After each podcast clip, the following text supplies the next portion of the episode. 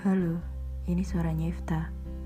Mari kita awali pertemuan kali ini dengan doa supaya kita tetap dikasih kewarasan di tengah bumi yang sedang sakit. Oke, kayak yang kita tahu, kita udah terkurung sama situasi kayak gini hampir 2 tahun lamanya. Situasi apa? Ya, we all know lah.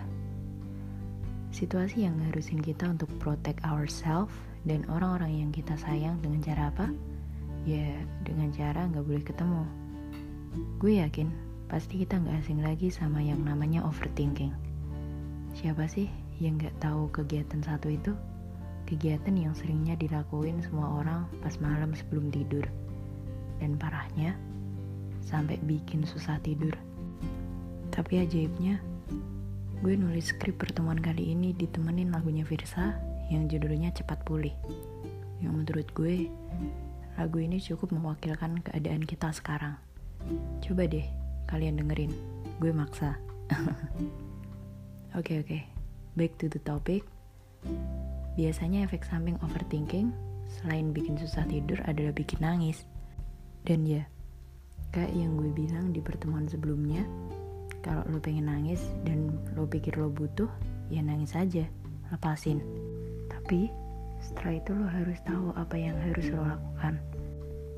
Ada orang yang ngerilis rasa sedih dengan cara menenangkan dirinya sendiri dulu sampai hapus foto profil sosmed, nonaktifin centang biru WA, dan gak balas chat siapa pun.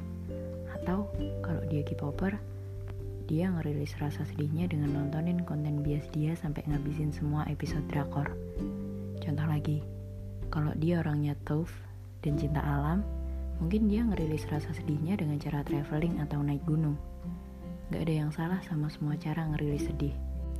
Yang salah itu, kalau lo bohongin diri sendiri, terus lo gengsi mau nangis.